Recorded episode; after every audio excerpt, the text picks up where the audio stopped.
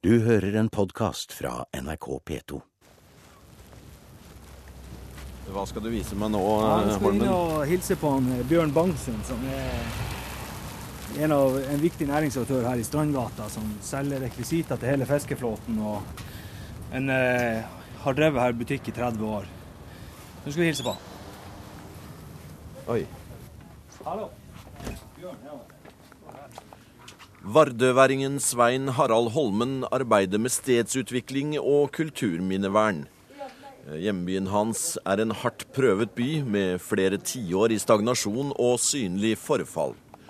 Nå styrer Holmen et prosjekt som han håper skal bidra til at byen og innbyggerne skal finne seg selv på nytt, og at byen skal få stoltheten og veksten tilbake.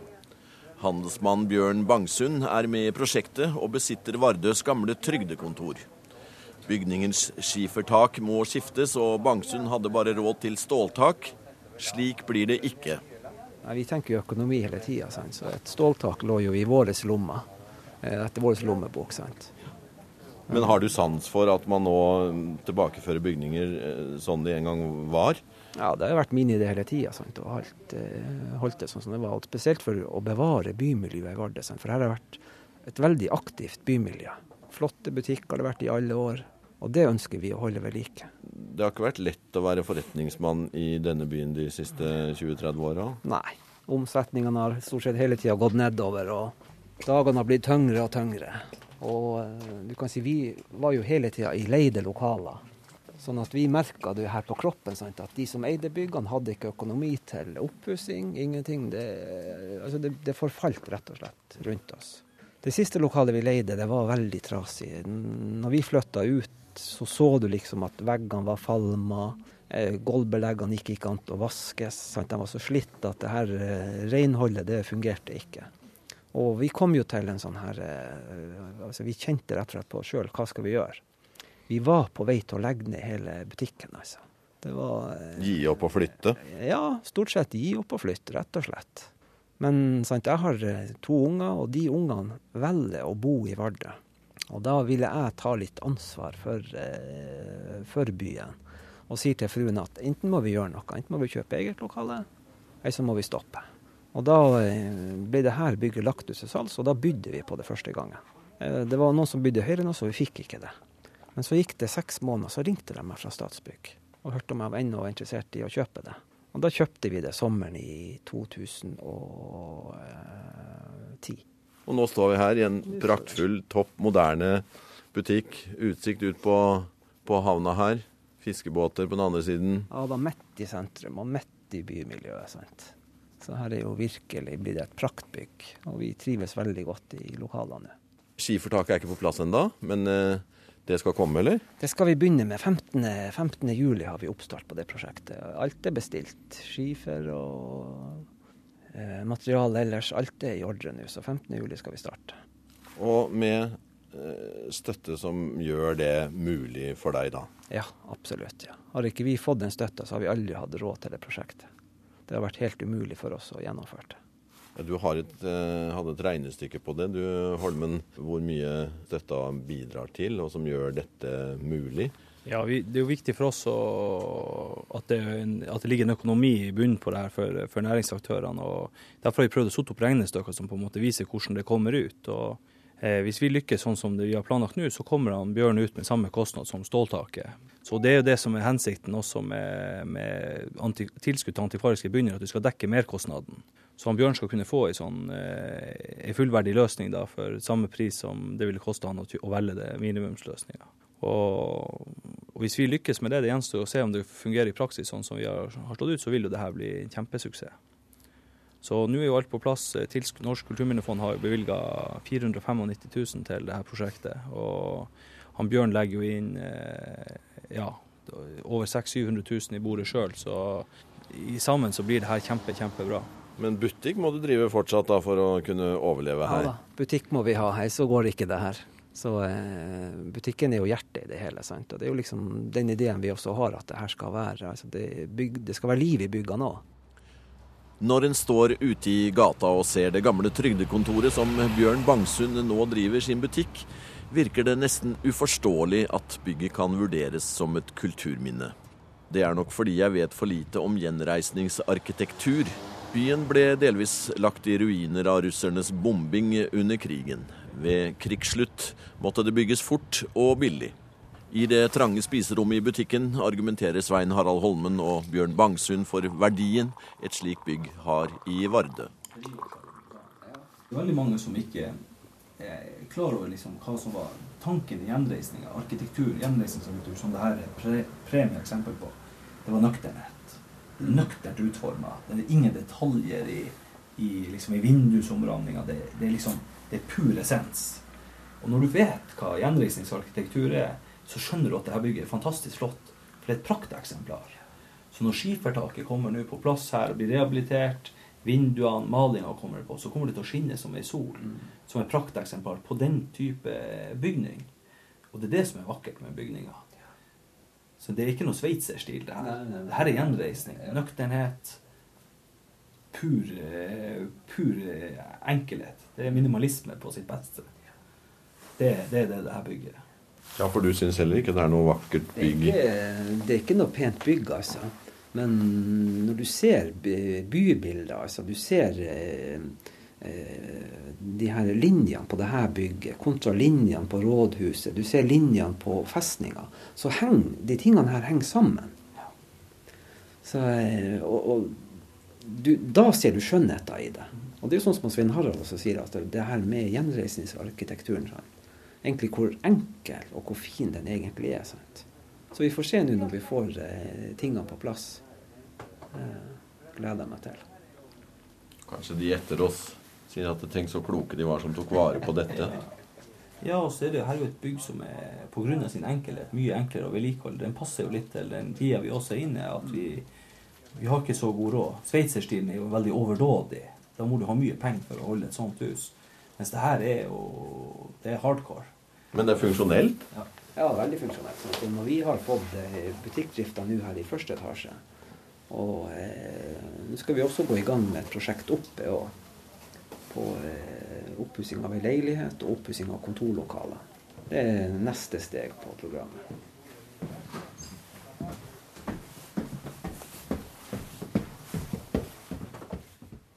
Bakgrunnen for det dette prosjektet er jo um, Det var et initiativ som Svein Harald Holme kom med til museet om å videreføre Hanningberg-prosjektet med utgangspunkt i Vardø.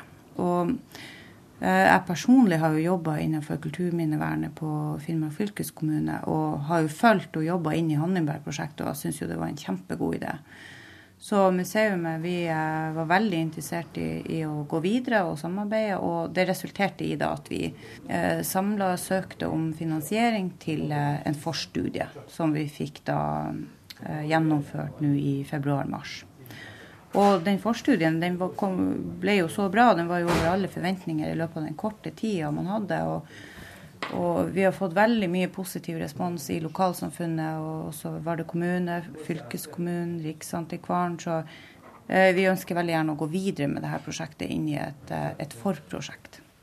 Monica Dahl er avdelingsleder i Vardø for Varanger museum. Museets kontorer ligger i den vakkert restaurerte husegården fra 1800-tallet i Kristian 4.s gate på Østvågen.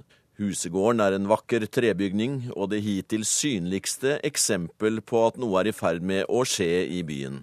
I dette programmet fra Vardø ser vi nærmere på et prosjekt hvor kulturvern, byhistorie og næringsutvikling kobles sammen i håp om å snu den negative utvikling med fraflytting og forfall. Vi ønsker å være en aktiv samfunnsaktør.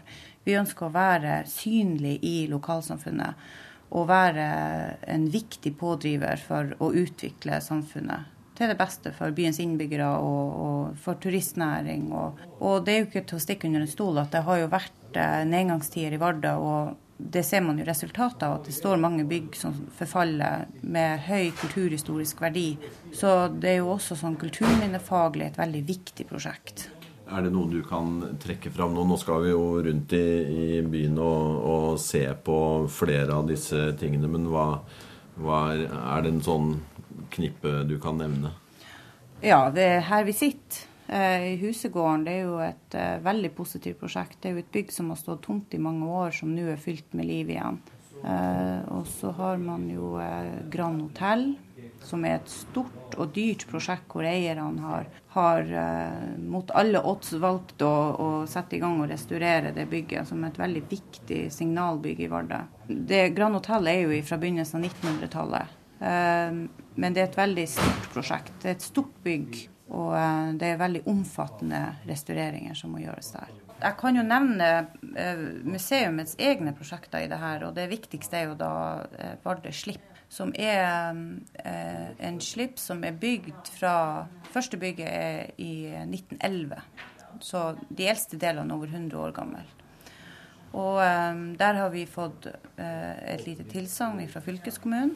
Og vi er i gang der nå med og skal starte opp med restaurering og tilstandsvurdering av den bygningsmassen. Og det som er spesielt med det prosjektet, det er jo at det kan bringe eh, store muligheter for lokale fiskere. Altså for lokale fiskere vil kunne ta opp båtene hvis man får restaurert det sånn som vi ønsker. I tillegg til at vi har uh, Fartøyvernsenteret på Brattangen, har vist stor interesse for å uh, jobbe med restaurering av båter i Vardø. Rent kulturfaglig når det gjelder å ta vare på en del private eiendommer. Blir det konflikter ut av det? Ja, altså nå er det jo sånn at eh, det er jo eierne sjøl som er ansvarlig for sine restaureringsprosjekt. Men vi vil jo støtte dem og hjelpe dem eh, underveis i restaureringsarbeidet. Men det som er alfa og omega, det er at man har dyktige håndverkere som kjenner til fagfeltet, for det er et spesielt fagfelt, med antikvarisk restaurering og at det arbeides etter de prinsippene man skal. Så det blir veldig viktig at prosjektene gjennomføres etter de antikvariske retningslinjene som de skal. Og så det, det blir mest mulig renslig sånn sett, og ikke noen kvasiløsninger? Liksom-restaureringer? Ja, nei da. Det, det, vil det ikke bli. Her, eh, det tas veldig seriøst eh, fra prosjektledelsens side, men også fra eierne sjøl. De ønsker å gjøre ting rett. Så jeg ser ikke for meg at det blir noen eh, konflikter. Men eh, det er klart at når man starter med noe nytt som man ikke har uh, noe kjennskap til, så er det fort at det kan bli gjort feil, og at det da kan ende opp i konflikter. Så det er jo det vi vil prøve å unngå med veldig tett oppfølging. Og at vi har den nødvendige kompetansen på plass. At noen kan følge opp byggeprosjektene etter hvert som de pågår. Men mye av det her er i utgangspunktet ikke freda fra tidligere, da? Ja da. Det er verneverdig bebyggelse i all hovedsak. Det faktisk ingen freda bygninger, det er det ikke. Men eh, man følger på en måte de prinsippene. Altså hvis, man, hvis et bygg er freda, så er det strengere restriksjoner. Det kan gjerne også være på interiør. Men i her tilfellene så, så eh, vil man jo bevare fasadene. Eh, sånn som de har vært. Og, eh, og, da er det ikke særlig stor forskjell om det er freda eller om det er verneverdig. Ja, få pusse den. Vi går ut under en vindfull snøbyge og inn i bilen til Svein Harald Holmen. Vi skal fra Østervågen til Vestervågen og til Nordpol kro.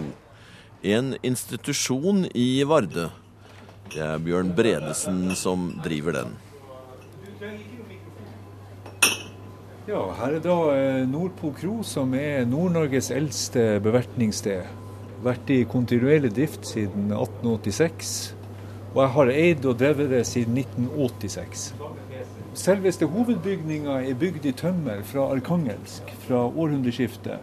Når eh, vi drev på med bytte av fisk og tømmer. Vi hadde fisk, de hadde tømmer, så de kom hit, og vi bytta mot Pomorhandelen. Pomorhandelen. Her er et resultat av pomorhandelen. Nansen bodde her i 1889 da han var inne med Fram på vei til Nordpolen. Han bodde på et av de rommene her oppe. Så her er lange tradisjoner. Så da var det også overnattingsmuligheter her? Da var det her. også overnattingssted. Det lå også et anneks på andre sida av gata med tolv rom som tilhørte det her, og så var det åtte rom oppe. Vi er jo ikke så veldig langt fra havna. Eh, han skriver, Nansen skriver på et kort at han sitter på et av de rommene og ser utover havna.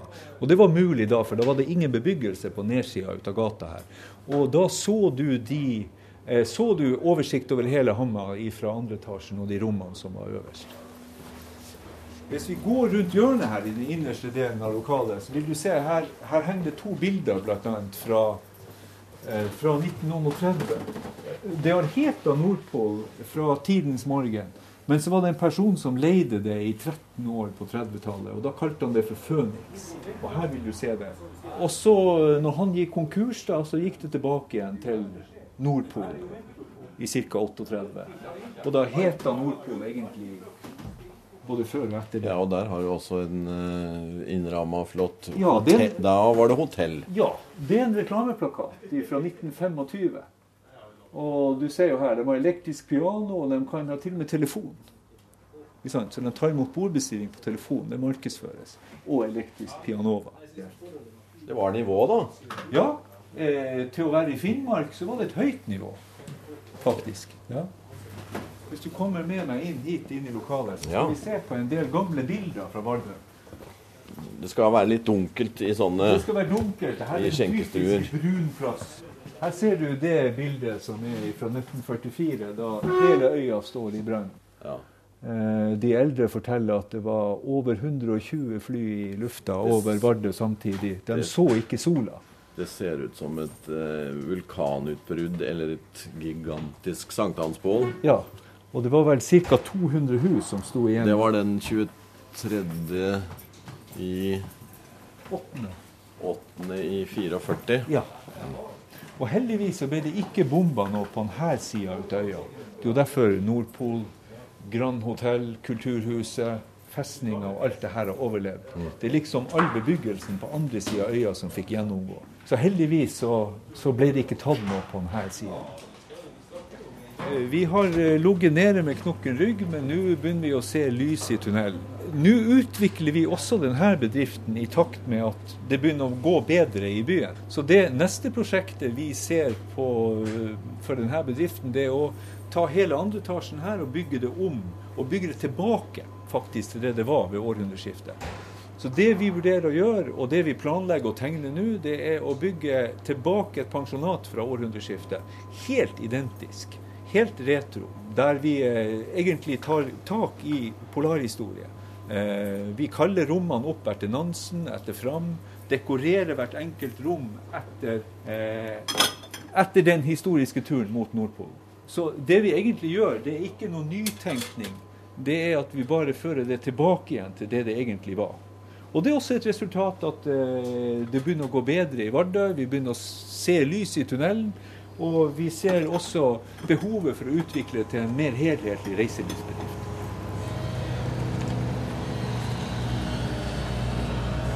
Vi er ferdig med hovedbygget i store trekk.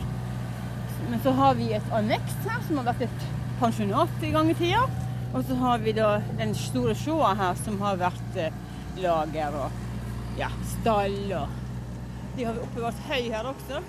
Vi avbryter eh, Heidi Kvernevik som står med en spade og graver i tung leire. Bak henne, ved en stor gammel vegg, fjerner en stor gravemaskin masse, slik at dreneringen skal eh, komme på plass. Bare et sånt tips. Jeg vet ikke om vi burde ha gått og stilt oss en plass der det var mindre vind. Så er det mindre vind.